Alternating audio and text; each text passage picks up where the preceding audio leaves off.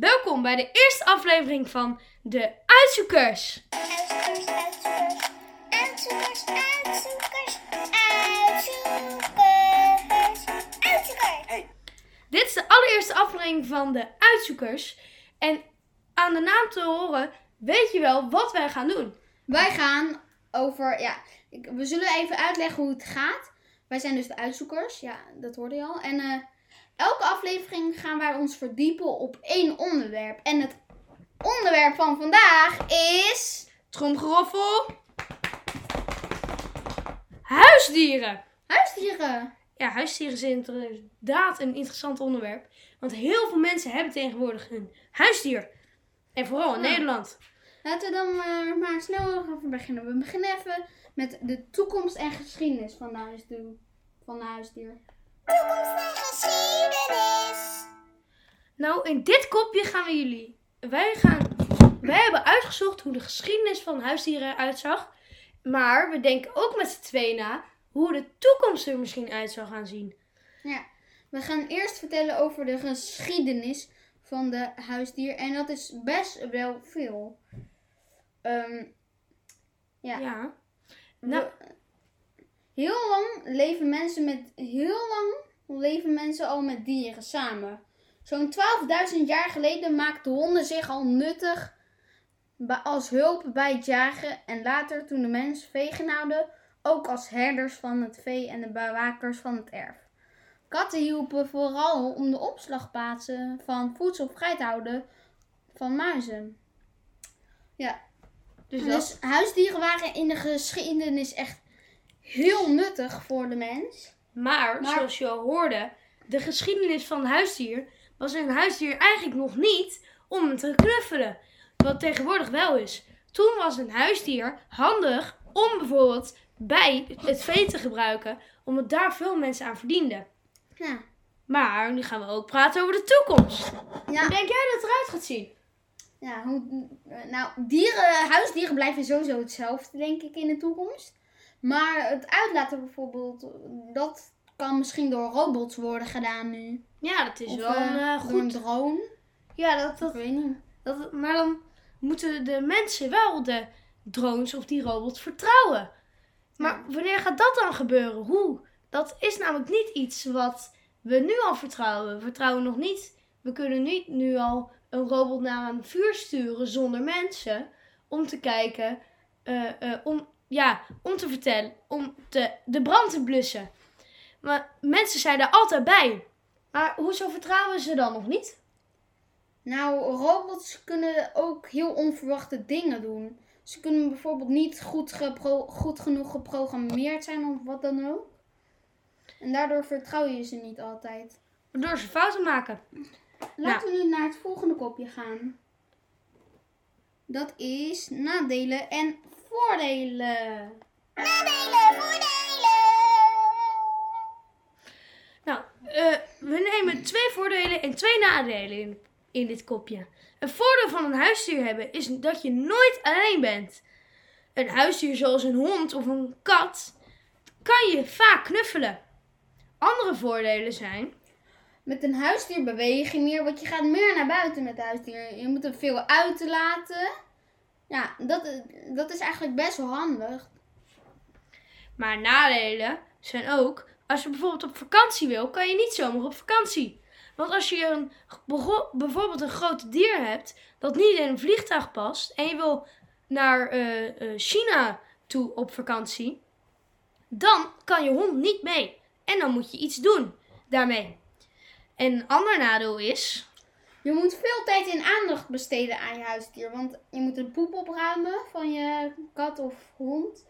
En je moet ook een goed hok voor ze bouwen. Je moet veel voor ze kopen. Ehm, bijvoorbeeld voor een hond moet je ook een bench kopen. Ja, dat is wel ook een nadeel eraan. Maar dat heb je ook wel, denk ik, voor over om een hond te hebben. ja, je hebt er wel voordelen aan. Want je kan dus meer bewegen en het is schattig. Zo schattig! Maar nu hebben we ook natuurlijk leuke weetjes erover.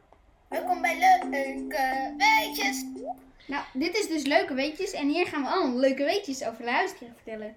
Wist je dat honden zweten uit, zijn, voetkussentjes. Voetkussentjes zijn eigenlijk een soort van de pantoffels van eh, honden. En die hebben zich ingebouwd in hun voet, in hun poot.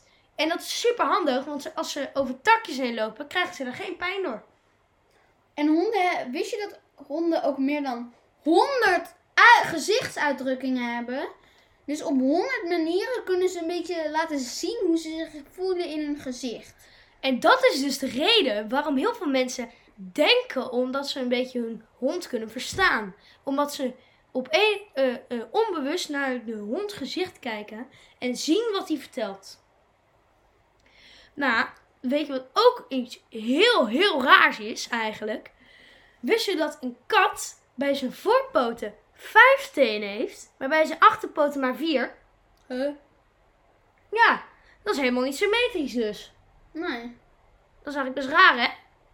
Is dat verder wel bij elk dier? Of? Ja. Zo alleen maar bij een kat. Terwijl heel veel mensen dat niet weten. Nou, leuk dat ik het nu weet. En trouwens, als je een snoepje van je kat, als je een snoepje van jou aan een kat probeert te geven, waar bijvoorbeeld suiker op zit, kan een kat dit suiker niet proeven. Dus eh, eh, de smaakpapillen van een kat zijn beperkt tot aan suiker. Suiker kunnen zij niet proeven. Dus als je suik, een zoet snoepje geeft, dan proeft hij het niet zoet. En wist je dat, kon, dat de konijnen slapen met hun ogen open? Dat doen wel meerdere dieren. De slang, want die, hebben niet... eh Die hebben geen eh, spieren om hun ogen dicht te knijpen. ja. En het kleinste konijnenras is de kleurendwerg. Het grootste konijnenras is de Vlaamse reus. Die is heel groot. Echt heel groot. Dan gaan we nu verder met het onderwerp gebeurtenissen. Gebeurtenissen. Nou, dit is onze rubriek gebeurtenissen. En Betreft huisdieren zijn er genoeg gebeurtenissen, want ja. Nou, we beginnen helaas met een niet zo leuke gebeurtenis. Een beetje droevig. Zeven maanden geleden is in de stad Breda bij ongeveer de voetbalclub JK een meer een soort chemisch stof ingekomen. Een soort gif. Maar uit dat meer dronken heel veel honden, waar tien honden aan dood zijn gegaan. Dat betekent dus dat je daar niet meer mag wandelen met een hond. En dat hebben ze al eerder afgezet, maar mensen die dat gedaan hebben, hebben zijn toch doorgelopen en hebben niet naar de borden gekeken. Dat is niet zo cool.